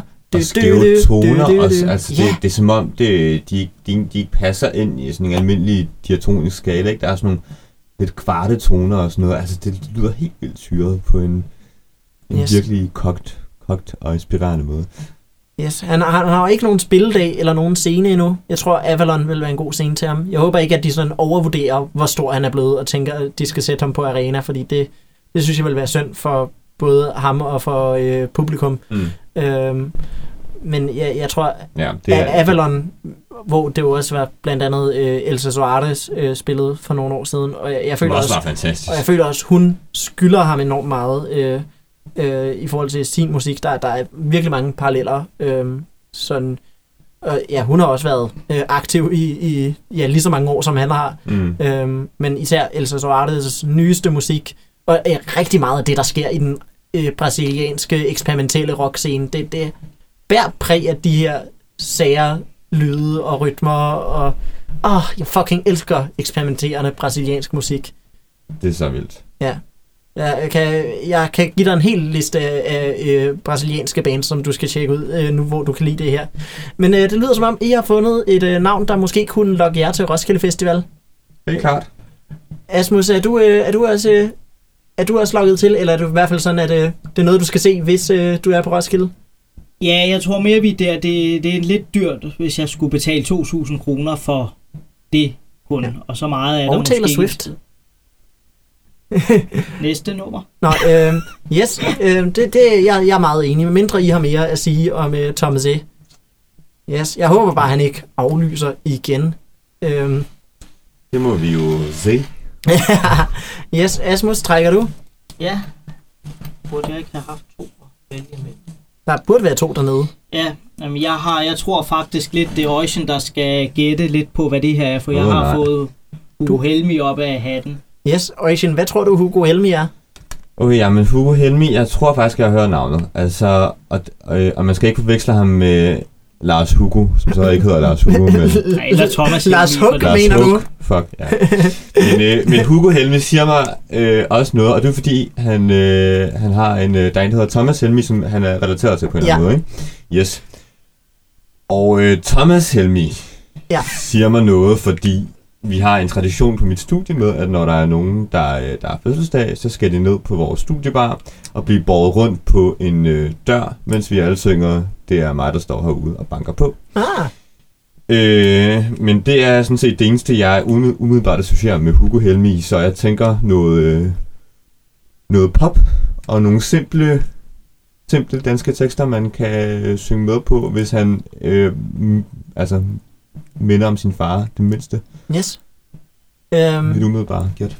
øhm, hvad, øh, hvad gætter du på, Asmus? Eller du har hørt Jamen, jeg, Hugo jeg vil i Helmig før? virkeligheden bare bruge øh, min tid på at sige, jeg synes, det er så fedt, at du, øh, du snakker om, hvordan du tror, han er ved øh, at have en lang eksemplificerende historie, som intet har med Hugo at gøre. Hugo, nej, men altså. Det er simpelthen, men, men altså, øh, det er jo også, det er jo også, altså, jeg synes, det er, jo, hvis man, hvis man har en popdreng, så er det nok der, man skal gå hen.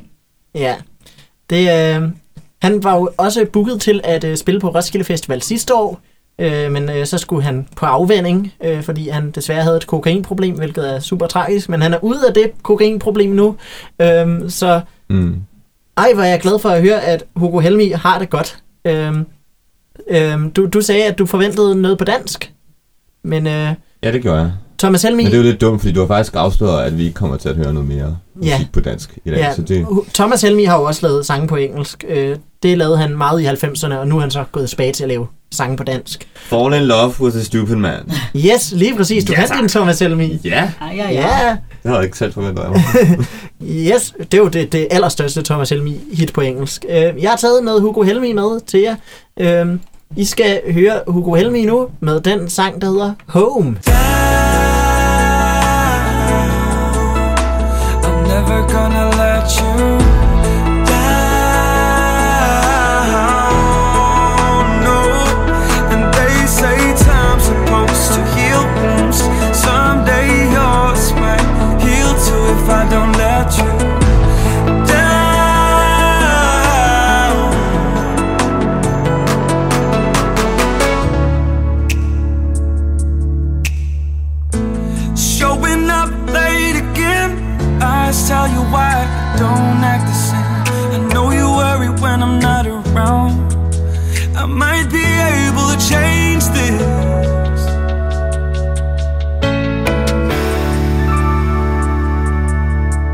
Det her, det var Home af Hugo Helmi. Øjsen, hvad synes du om den her lille Hugo Helmi-sang, som afslutter hans øh, debutalbum? Jeg ved ikke, om det sagde mig så forfærdeligt meget. Men der var en ting, jeg tænkte, øh, som jeg synes var ret sjov. Øh, som jeg også lidt stod og snakkede om, da vi hørte det. At nu har vi jo hørt øh, både øh, Hjalmar og Hugo her, som øh, øh hvis fædre også var kendte musikere. Ja, eller er øh, Thomas er, Helmi er stadig i live, og ja. spiller på Orange Scene til sommer. Sammen med Hugo, eller? Nej, nej, de spiller øh, hver deres koncert. Okay. Sjovt. Øhm, to forskellige dage også. Det ville være lidt sejt, hvis du ved, man lige kunne se dem begge to i rap Ja. lige efter hinanden. Det er Men, da også fedt. Men ja, nej, og det jeg tænkte var, at, at både øh, Hjalmar og Hugo er jo nogle øh, virkelig stærke modbeviser på tesen om, at æblet ikke falder langt fra stammen. Altså det må man, altså måske i højere grad Hjalmar end Hugo, men øh, fordi... jeg vil sige, øh, Hjalmars sangstemme lyder mere som Kim Larsens, end Hugo Helmis sangstemme lyder som Thomas Helmis, Mm. vil jeg sige. Ja, Men jeg kan godt se, at sådan musikalsk er, altså, øh, hvor Kim Larsen lavede sådan meget folkmusik, og i sine tidlige dage i Gasolin, så var der sådan rockmusik, så det er overhovedet ikke det, Hjalmar er interesseret i at lave. nej, nej, Øhm, klart. Men øh, Ja. ja, Og Hugo er lidt også over i det der øh, meget poppede øh, festlige hjørne, ikke? ja, jeg ved ikke, jeg synes ikke, det her var et super festligt nummer, men han har nogle andre sange, der er sådan øh, mere sådan festlige. lidt- Øh, Mm. sådan hans øh, første kæmpe store hit, der hedder Please Don't Lie, det er, det, det er et dansenummer. Ja, Det bliver spillet på klubber eller okay. et eller andet. Jeg har ikke været på klub i fem evigheder, og især ikke nogen, der spiller Hugo Helmi. Mm. Jeg synes, at det var lidt ensartet hele vejen igennem. Det er sådan meget monotont. Ja, øh, jeg jeg prøvede faktisk mere, at øh, finde det, det, det Hugo Helmi-nummer, hvor jeg følte, der skete flest forskellige ting, hvilket ja. siger lidt om, hvor lidt der måske typisk sker på et Hugo Helmi-nummer. Ja, Øhm, sådan, jeg tænkte, den her har, den har en guitar solo for det første. Det er jo lidt anderledes. Det, det havde man ikke lige set komme. mm. Øh, det har det her underlige stykke, hvor at der er nogle trap-trummer, der går du, du, du, du, du, du, du, du, du, og så øh, sker der ikke rigtig noget efter det. Mm. Som om det bygger op til et drop, der, der ikke kommer. Øhm, sådan, det, der er ikke engang sådan et dårligt drop, der bare sådan, sangen fortsætter, som om trommerne ikke lige havde været der. Øhm, Ja. det, det, det var lidt sært. Mm. Øhm, Men, øh, men jeg synes sådan, den slags ting var med til måske at gøre det her et øh, Hugo Helmi-nummer, man, man kunne snakke lidt mere om, end man kunne snakke om det gennemsnitlige Hugo Helmi-nummer. Ja. Samtidig med at jeg også føler, at det, det indkapsler hans lyd rimelig godt. Okay. Øhm, ja, altså udover, jeg tror ikke, han har særlig mange andre sange, der har en guitar solo. Men, øh, men du ved, versene, Mm. det lyder som Hugo Helmi. Det er sødt, det er pænt, det er flødet, øh, og øh, det, det er rimelig kedeligt. Og lidt øh, monotont, det er, ja. jeg, øh, Mm. jeg synes, øh, det, det er sådan... Det, det er kæmpe store radiohits, og i sidste år var han jo udmeldt til at spille på Arena, øh, inden han desværre måtte aflyse, mm-hmm. blev erstattet af Hans Philip, øh, som var fandens god erstatning, sådan godt, nyt, ungt, aktuelt navn, øh, som kan tiltrække et publikum på øh, samme størrelse. Øh, så ja, jeg kan rigtig godt lide Hans Philip, jeg kan ikke særlig godt lide Hugo Helmi. Øh, Nå, Asmus, hvad synes du om... Øh, du har jo hørt Hugo Helmi før, men Ja. øh, hvad synes du om det, du lige har hørt? Jamen for det første vil jeg sige, at jeg synes sådan set ikke, det interessante måske ligger så meget i, hvad kan man sige, i melodien eller i akkorderne. Det ligger mere i, at der er så mange forskellige lag i Ja. det. Og der er så mange forskellige altså lyde og kombinationer af lyde. Øhm, så er der noget, der er helt stille med noget lidt klaver. Så Ja. kommer der noget, som er lidt mere klassisk pop. Og så ligger alle de her, altså, en- og sådan er det bygget op af en masse små lag, synes jeg, som lægger sig på forskellige tidspunkter. Øhm, men det er klart, at når jeg ikke rigtig synes, melodien er der, så er det også lidt langt nummer. Ja, Måske det, til at det, det er et af de længste numre Ja. på hans plade. Mm. Måske til helt at... Det, det får ikke min interesse hele vejen igennem. Ja. Så synes jeg også, det er meget sjovt, at øh, I snakkede om det der før med, at øh, med om hvorvidt æblet falder øh, tæt på stammen eller ej. Det er sjovt, fordi altså, både og det argumenterede I lidt for, at det ikke gjorde. Ja. Og der synes jeg, at det interessante er måske lidt, at øh, både Thomas Helmi og øh, hedder han, Kim Larsen Nå, ja. ja. og deres sønner, de har jo begge det med, eller alle sammen det med, at de taler til folket, til masserne. Ja, Altså det er, det er massekultur, ikke? Det er massekunst på en mm. eller anden Mm. måde, og populær kultur. ja og, og jeg føler sådan... Eller jeg ved, at øh, øh, Hugo Helmi er præcis lige så god til at vinde teenage pige-hjerter, som øh, Thomas Helmi var i 80'erne. Mm-hmm. Så Er Thomas Helmi stadig det, det, god til det? Øh, jeg, jeg, jeg tror, at uh, Thomas Helmi er rigtig god til at vinde øh, øh, 40-årige øh, husmødre og homoseksuelle mænds hjerter. Øh, det, det er, jeg, jeg, jeg tror ikke, at der er nogen unge mennesker, der rent faktisk tænker, fuck, Thomas Helmi er lækker. Nej. Øh, jeg tror, det, det meget handler om segmentet. Dem, der var teenager, dengang Thomas Helmi udgav sine første plader, synes stadig, at han er rimelig lækker. Ja. Øh, ja, han holder sig godt, den, yes. den gode kære Thomas Helmi. Mm.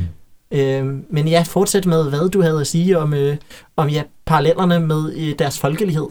Jamen egentlig også bare det med, at, øh, at selvom det er en anden type musik, de spiller, og selvom at der altså, auditivt er meget stor forskel på, for eksempel, øh, lad os gå tilbage til, hvad hed han nu? Thomas? Nej, nej. Ham, Hjalmar? Ja, Hjalmar og Kim Larsens musik. Øh, at så er det stadig musik, som gerne vil ramme det samme segment og de samme mennesker. Ja, eller måske i hvert fald, du ved, det samme segment, men en generation flyttede, ikke? Ja, præcis. Øh, for jeg tror ikke, at du ved, folk, der i dag lytter til Kim Larsen, får det store ud af Hjalmar. Øh, måske lidt mere overlap i øh, Hugo Helmi. Øh, jeg tror, der, der er rigtig mange øh, sådan øh, 40-årige mødre, der også synes, at øh, Hugo Helmi øh, er, er rigtig god musik. Mm. Mm. Øh, men, men ja, jeg, jeg tror, at, øh, at øh, sådan de øh, mange teenage-fans, som Hugo Helmi har, måske ikke så meget, er øh, til, øh, er til øh, Thomas Helmi. Øh, Eller i hvert fald måske mest alt bare ser ham som en joke. Hvilket han ikke er. Jeg vil anbefale at lytte til sidste afsnit af Orange Snak, hvis man vil ind i, hvor stor en vigtig kunstner i dansk musikhistorie øh, Thomas Helmi alligevel er. Men det at være en vigtig øh, kunstner er altså ikke altid lige med, at man har lavet noget, som er synderligt interessant. Ja, jeg vil det sige, betyder at, øh, bare, at man har lavet noget, nogen synes var meget interessant. Ja, jeg vil sige, at jeg personligt synes, at øh, øh, Thomas Helmis Vejen Væk er et af de bedste øh, danske breakup albums nogensinde. Mm. Hvis ikke det bedste danske breakup album. Det, det, det er virkelig sådan, åh, oh, det går ind og rammer mig. Øh, og øh, jeg synes også bare, det, det er sådan så tydeligt, at øh, Thomas Helmi har en stor forståelse og en stor respekt for, for øh, de musikere, såsom Marvin Gaye og Michael Jackson og Stevie Wonder, som han meget bygger sin musik hen over. Øhm, jeg, jeg, øh, igen, det er et andet afsnit, sidste afsnit. Øh, øh, ja, lyt til det, hvis I vil høre mig snakke om, hvor meget jeg elsker Thomas Helmi. Øh, men øh, Hugo, ham elsker jeg ikke nær så meget. Øh. Ja. Men det er rigtigt, altså øh, alle de her, øh, i hvert fald de her fire øh, store øh, musikere, vi har snakket om, har alle forsøgt at ramme en eller anden tidsånd. Øhm, Ja.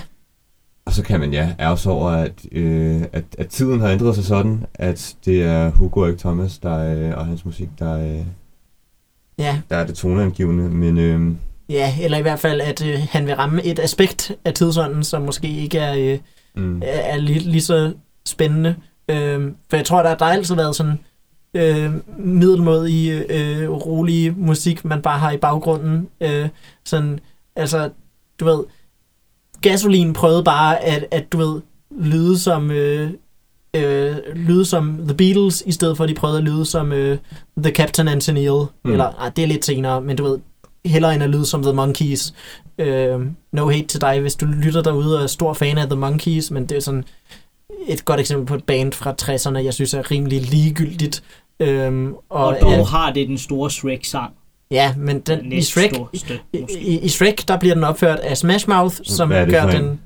Ja, I thought love was only real in fairy tales. Made for someone else, but not for me. Fantastisk sang. Men øh, ja. Ja, øh, selvfølgelig Monkeys fik nogle gode sange, øh, især fordi det sjældent var dem, der skrev dem, så var der nogle andre folk bag scenerne, der, der, der kunne skrive en god sang til dem. Øh, nå, men øh, min pointe er bare, at sådan middelmodige tendenser findes der hele tiden, og jeg synes bare, det er trist, at, at øh, den, tid, den del af tidsånden, som Hjalmar og Hugo Helmi øh, vælger at gå ind i, det er sådan nok den mest forglemmelige del af tidsånden. Mm. Det er, det er øh, den del af tidsånden, hvor der er musik, der lyder som om, det er blevet orkestreret til at være på en playlist og være et nummer, der simpelthen siger så lidt, at der er lille sandsynlighed for, at nogen vil springe den over. Mm. Sådan, det, det provokerer så lidt, at, øh, at, at øh, sådan, der er ingen årsag til nogensinde at blive vred på det, for man lægger knap nok mærke til, at det spiller. Nej. Men sådan har der jo været musik, der er hele tiden, kan man også yeah. sige. Altså også i den klassiske verden findes der jo et hav af skabeloner, man har brugt igen og igen. Jeg synes bare, øh, sådan, når, når, når at, øh, det handler om playlister, så jeg synes bare, det, det sådan bliver nærmest, når at, at musik ender med at føles mere som et produkt, end, øh, end øh, som, øh, du ved, rent faktisk en kunstnerisk vision. Ja. Jeg er ikke i tvivl om, at Hugo Helmi sikkert også har nogle kunstneriske visioner, Mm. men øh, jeg, jeg synes ikke, at han er sådan den kunstner i verden, der lyder mest som om, han bare øh, laver musik, der er skræddersyet til at være på en playlist øh, og Mm. bare blive, øh, ja, så vidt muligt, ikke sprunget over, og det er den største ambition, øh, nummeret har. Øh, jeg føler ikke helt, det er det, jeg får frem. Jeg føler faktisk, jeg kan mærke på ham, at han virkelig går op i sin musik, men jeg går virkelig bare ikke op i det, han laver. Nej, men måske er det også et tegn på, at musikkens funktion lidt er, er anderledes, end hvad den var for, ja, hvad skal vi sige, 30-40 år siden.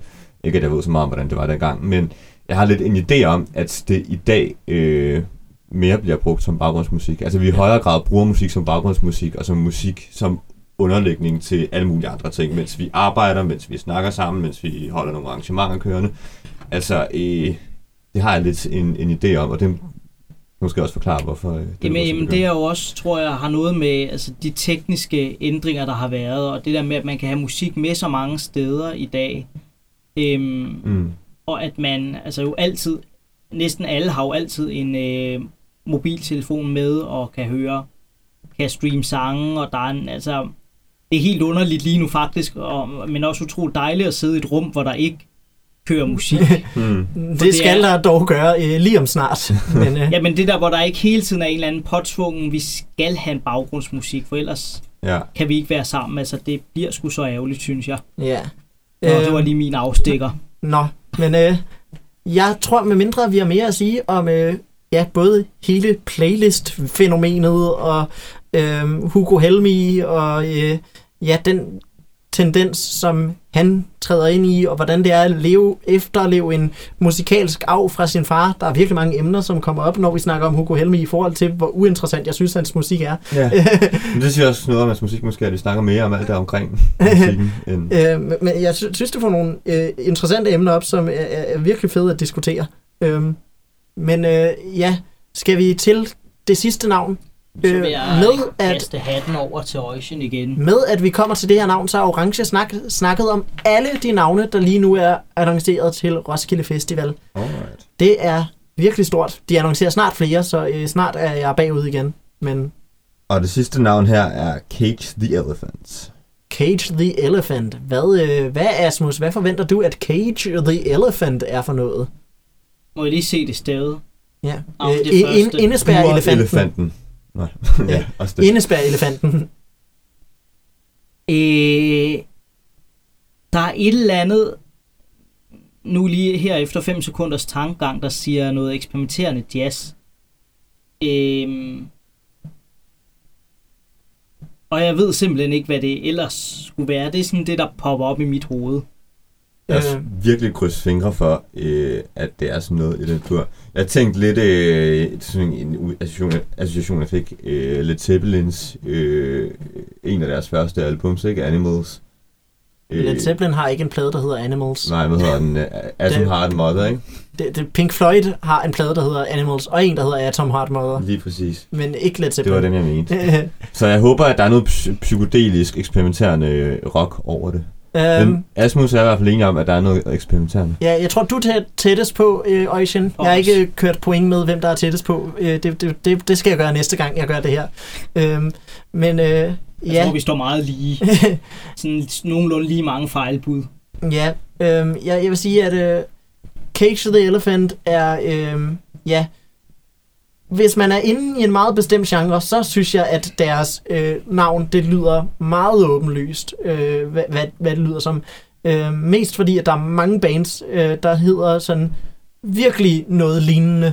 Øh, et band som Portugal The Man, kender I dem? Eller Foster The People. Nej. Det er sådan, alle, alle, det er, alle, alle de navn, der har et ord på hver side af det the. Øhm, for Shower mig, the people. hvad siger du? Shower the people. Foster the People. Nå, Øh, det andet vidste jeg ellers, hvad var.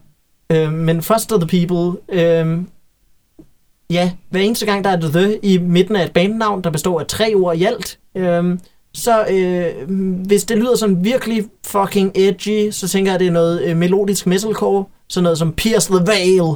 Øh, men, øh, men det er heller ikke øh, Pierce the Veil. Det er ikke metalcore, det her. Den anden ting, det kan være, det er, at det er øh, rigtig let tilgængelig indie rock. Og øh, det er lige præcis det, Cage the Elephant gør. Øh, igen, de burde tage på turné sammen med Foster the People og øh, Portugal the Man. Øh, det er... Øh, ja, jeg øh, synes, at øh, det, det er svært. De har været aktive i rigtig mange år, øh, og det er svært lige at vælge et nummer af et band, jeg også har fulgt i rigtig, rigtig mange år. Øh, men jeg har taget et øh, nummer af dem. Så her kommer Cage the Elephant med nummeret Come a Little Closer.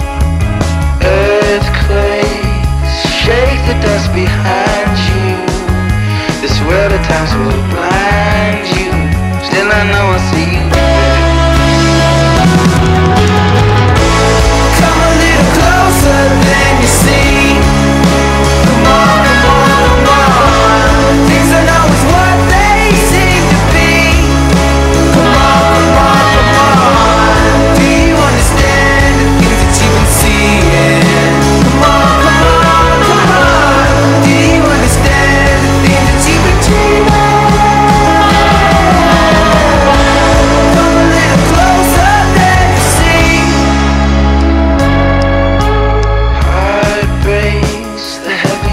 Det her, det var så Come a Little Closer af Cage the Elephant. Og øh, Ocean, hvad synes du om det, du lige har hørt? Jamen, det var øh, meget det modsatte af, hvad jeg havde forventet, faktisk. Fordi altså, det der eksperimenterende element i det, det, altså, det var det jo ligesom ikke. Det er Nej. alt andet end eksperimenterende. Der er nogle sange på, på det album, som den her sang er fra, der hedder Melophobia, som er mit yndlingsalbum af Cage the Elephant, uden nogen sammenligning. Øh, men der, der er nogle sange på det album, som øh, har mere eksperimenterende elementer. Ja. Øh, men jeg tænkte sådan, det ville være virkelig misvisende for mig at tage et af de mere eksperimenterende numre med, fordi de netop ikke er det særligt tit. Mm, ja. Men når det så er sagt, så synes jeg alligevel, at den, at den kunne noget. Og jeg kunne godt finde på at høre, at høre dem sådan, øh, altså, høre dem på Roskilde, hvis de spillede der, for eksempel. Ja, og det gør de jo. og det gør de jo. Øh, Øh, jeg regner med, at øh, sådan størrelsesmæssigt, de har ikke fået annonceret en scene nu, men jeg regner med, at de får arena. Det Ja. er umiddelbart der, jeg ville placere dem, hvis jeg stod og skulle placere bands på scener lige nu. Okay. Øhm, yes, så ved vi det. Øhm, jeg synes, at det var en fed øh, blanding af en meget sådan øh, fin og blød øh, vokal og melodi, der kørte over noget ret sådan hardcore øh, Ja. bass og øh, den der rytme, som altså, Ja. Altså, det er jo ikke det hårdeste i verden, men, men det har sådan alligevel virkelig noget øh, slagkraft. ja, og noget ja, styrke og ja, power. Yes. Mm. Asmus, hvad, øh, hvad synes du om det, du har hørt? Jamen, jeg er egentlig meget enig med Ocean her. Øh, at det er meget forventeligt, men på en god måde. Øh, det er sådan noget, jeg ville have det øh, dejligt ved at sidde og høre i et tog på vej mod Jylland, eller et eller andet i den retning. Ja. Øh, og det er altså positivt ment, at det, at der ikke sker så meget, det synes jeg kan være rigtig dejligt. Ja, men jeg synes også bare sådan, de, de har godt øre for melodier, og sådan sonisk er det bare sådan rigtig tilfredsstillende sammensat. De, de forstår, hvornår de lige skal være lidt mere intense på trommerne, så at øh, omkvædet bare sådan øh, har lidt mere slagkraft. De, de, de er gode, gode til dynamikker. Mm. Øhm, og øh, ja, øh, ge- generelt synes, synes jeg, at, øh, at, at det er øh, rigtig, rigtig godt, det her nummer. Ja. Øhm, nu kommer min store, lille, dårlige overraskelse, øhm, som I bliver nødt til at tage på mit ord. Øhm, den her sang, den er fra 2013.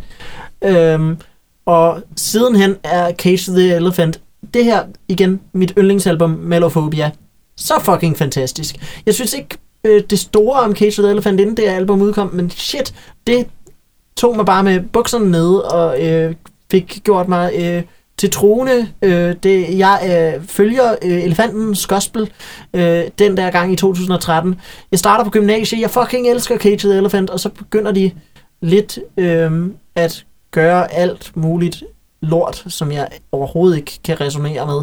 Det, det er som om, at, øh, du ved, igen, det er ikke det, er ikke det, det, det hårdeste i verden. Det er ovenikøbet måske sådan lidt tamt, vil nogen sige. Ja. Men, men det har en slagkraft, jo, som vi snakkede om. Ja. Og det er som om, at efter det her album, så røg en hver slagkraft fra dem. Det er som om, at de bare tænkte, ved du hvad, nu skal vi blive så sterile og flade, som vi overhovedet kan. Og øhm, ja, igen, lyde som om, vi nærmest er playlist-genereret. Øhm, og jeg forstår det ikke, fordi så vidt jeg øh, har læst mig frem til, er det stadigvæk dem, der skriver al musikken. Men jeg tror, det meget handler om de producer, de arbejder sammen med nu. Men igen, de producer, de arbejder sammen med nu, er heller ikke så dårlige. Altså, de er ikke i hvert fald playlist-folk. Nej. De, de, de er rent faktisk sådan producer, der har noget, noget artistisk erfaring. De har arbejdet meget sammen med Beck på den nyeste plade, som de har udgivet. Øh, ikke at Beck øh, er super fantastisk den dag i dag, men Beck er en kreativ, sær gut, øh, som ja, har haft gjort virkelig mange spændende, interessante ting, men Becks nye musik er begyndt at være super nedvandet, og at han arbejder sammen med Cage the Elephant gør også bare dem mere nedvandet. Og øhm, som årene bare er gået siden 2013, og de lavede det her fantastiske rockmusik, så jeg bare langsomt mistet troen på, at de nogensinde laver noget, der bare tilnærmelsesvis så godt igen. Tror du, det er populariteten? Ja, jeg ved det ikke, fordi de er stadig rimelig populære. Øh, Roskildes app våger at kalde deres nyeste album for deres bedste. Øh, det er jeg og rigtig mange andre the Elephant fans øh, meget uenige i. Øh, Ja. Det kan være, at du skulle invitere dem over til en, til en debat, dem der ja, dem Det er der også- skriver i appen, de, de er Ja. anonyme skribenterne i appen, så øh, det, det, er, det er meget Det- svært det bliver lige at få fat på dem. Ja. Øhm, Asmus, har du... Øh, øh, ja, ja nu, nu igen, I bliver nødt til at tage mit ord på, at de blev meget mindre interessante efter det her, fordi jeg har ikke tænkt mig at spille to Cage the Elephant sange for jer, Mm-hmm. bare for at skabe kontrast. Det vil være unfair behandling. Og øh, hvis jeg skulle give Tom Z en færre dækning, så vil jeg jo skulle også igen give ham øh, sådan 10 forskellige sange, fordi han har rykket sig så meget i løbet af sin karriere. Ja. Og han har Øh. sikkert skrevet noget lort en gang på et eller andet Men- tidspunkt i sine Ja, gange. ja, jeg synes personligt ikke, at hans mere stille og rolige ting er nær så interessante i hvert fald selv. Øhm, men øh, ja, jeg øh, har til gengæld hørt, at de stadig er et godt liveband. Øhm, så øh, ja, tror du, du kunne forestille dig, øh, Asmus, at hvis du var på Roskilde Festival, at du ville tage forbi og se dem, også selvom jeg lige har advaret dig mod deres nyere materiale? Altså, jeg tror ikke, det er sådan noget musik, jeg gerne vil opleve live i virkeligheden. Nej. Øh, fordi det er ikke fordi, jeg ikke vil høre det, men det er, det er ikke sådan noget, jeg brænder efter at opleve live. Øh, Nej, det, jeg synes, kan det, er lidt mere til, det er lidt for tilbagelænet i virkeligheden til, jeg synes, det vil være noget, jeg gider stå op og... Hvis du synes, det her er tilbagelænet, så vent til du hører deres nyere plader. Og altså, det er meget fint, du ikke spiller det for dem, fordi der er ikke nogen ryglæn på de her stole. det var en en meget, meget god, god, god, øh, god kommentar, synes jeg. Øhm, Tak. yes, hvad med dig, en patent Ocean? på Kunne du, kunne du forestille dig, øh, med mindre jeg, jeg har øh, afskrækket dig fra meget, fra, øh, de kommer nok til at spille meget fra den nye Ja. plade, fordi de er på turné med den. De kommer det nok også til at jo nok. spille den her sang, og et par af de mest populære sange fra deres bagkatalog. Men, Ja. øh, men jeg har tjekket deres setlist, og de spiller rigtig meget fra den nye plade. Øh, jeg tror, de har spillet den her et par gange også, heldigvis. Mm. Jeg tror, jeg skal være godt fuld eller skæv, eller øh, have været på Roskilde i, i lang tid. Så skulle det være, hvis de spillede til sidst, men det gør de jo nok ikke. Jeg skulle lige til at sige, jo senere, jo større Jo chance senere har det så for at få dig som. Ja. Ja, jeg føler bare sådan, ja, jeg føler netop, det, det er sådan et band, hvis jeg igen var Roskilde planlægger, så vil jeg sætte dem sådan klokken 4 om eftermiddagen på arena. ja. Øh, der Jeg- fø, føler jeg, at de, de vil kunne gøre det. Øh, passe rigtig godt ind der. Jeg tror måske, jeg vil øh, finde dem i programmet og gå over til den og, øh, og høre lidt på den. Ja. Og stå lidt og øh, gynge lidt i takten med deres musik og svinge lidt. Og sådan, øh, efter en halv time vil jeg nok synes, det vil blive lidt kedeligt, og så går jeg igen. Øh, jeg har faktisk lige tjekket, øh, øh, jeg har lige tjekket min app, mens du snakkede, og jeg har fundet ud af, at de kommer uden tvivl ikke til at spille klokken 4 om eftermiddagen, øh, fordi de spiller om onsdagen, hvor scenerne først åbner klokken 5. Mm. Øhm, så øh, nu kan vi jo lige komme til øh, det spændende spørgsmål. Hvis Cage the Elephant bliver placeret samtidig med Taylor Swift, hvem ser du så? Jamen, jeg er simpelthen bange for, at jeg er den forkerte at, spørge, at spørge om, fordi jeg, kan, jeg tror ikke, jeg har hørt noget af Taylor Swift. Har du ikke hørt noget Taylor Swift? Og hvis jeg, altså... Jeg, jeg, jeg, plus, der er to øh, øh, sanger på Roskilde i år, som næsten hedder det samme, Taylor Swift og... Tyler the Creator? Tyler the Greater, og jeg kommer gar- garanteret til at bede om på de Altså, to. jeg synes, og, det er meget, meget nemt at hedde det samme, hvis man bare skal have samme fornavn. Som ikke er Jamen, det samme fornavn. Nej, Øhm, men altså, sådan Jamen, cirka, ikke? Men jeg tror også, jeg forstår Asian, fordi i folkemåne, så øh, kalder folk tit øh, bare sådan, når de snakker om dem, så siger de sådan, skal du se Taylor, skal du se Tyler? Sådan, folk gider ikke sige hele navnet. Nej, vel? Ja, det er det. Øhm, Øh, og hvis Ja. man ikke er inde i deres musik, øh, så ja, jeg glæder mig virkelig meget til Tyler, jeg glæder mig virkelig meget til Taylor. Mm. Det er ligesom øh, for et par år siden, øh, i 2015, så på toppen af plakaten, så stod der Mew og Muse. og folk er for dogne til at sige Muse, så folk siger bare Mew. nej, nej. nej, nej, men prøv at sige det sådan, hvis du skulle øh, sætte det i genitiv, ikke? ja, Sådan, jeg glæder mig virkelig meget til Muse-koncert. ja. Altså, Til man Muse-koncert? man, Nej, man må jo godt sætte ES koncert. på som genitivform på dansk, vil jeg bare lige som sprognørd nævne. Hvad hedder Muse i gen- genitiv? Muses? Muses. Det er, Muses. man, man gør det meget, meget, meget Men, sjældent, øh, man øh, men hvis du snakker om Mew og deres koncert, så bliver det til Muse alligevel. Ja, så har opstår så forvirringen. Mm. Ja. Men altså, de kunne da bare have valgt et navn, der var grammatisk godt på dansk. Mm. Øh, ja, især fordi det er et dansk band. Ja, ja, er det? Ja. Nå, jamen, så er der ingen dårlig undskyldning. Øh, Nej, men jeg tror, jeg har det med Taylor Swift, som jeg har det med Hjalmar. Altså, jeg, har- jeg har jo nok hørt dem en gang, uden Ja. at jeg vidste, at det var dem. Og sidenhen glemt deres sange. Det ville undre mig meget, hvis øh, du var gået igennem øh, tre års gymnasie på toppen af Taylor Swifts popularitet, uden nogensinde at have hørt hende. Ja. Altså på den anden side kunne jeg godt forestille mig, at lige netop vi to kunne have gjort det Ja. uden problemer. Ja. Har I mere at sige om Cage the Elephant, eller skal vi begynde at uh, runde programmet af? Lad os gøre det. Yes. Jeg tænker, at elefanten har... Truttet i hornet. ja. Øhm, så vil jeg sige tusind tak, fordi I har været med i dagens program. Det var super fedt. Ja. Ja. Tak fordi I var med. Og jeg vil så Det øh, sige uh, tusind tak til alle derude, der har lyttet med. Og uh, ja, jeg vil sige, at I kan lytte med på Spotify, på Apple Podcasts, på SoundCloud og på Podimo.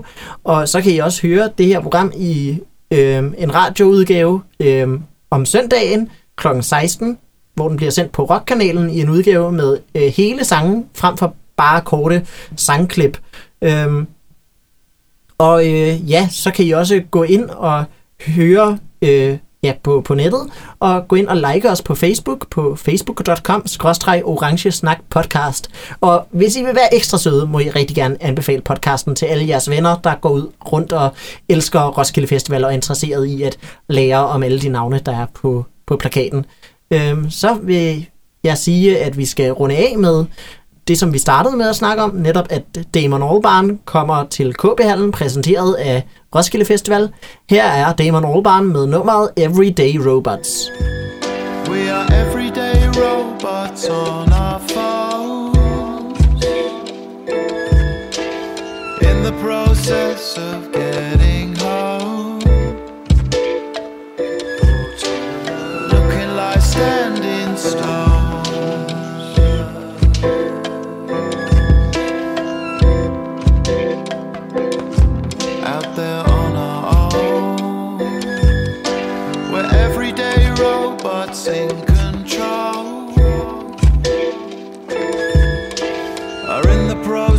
of being sold.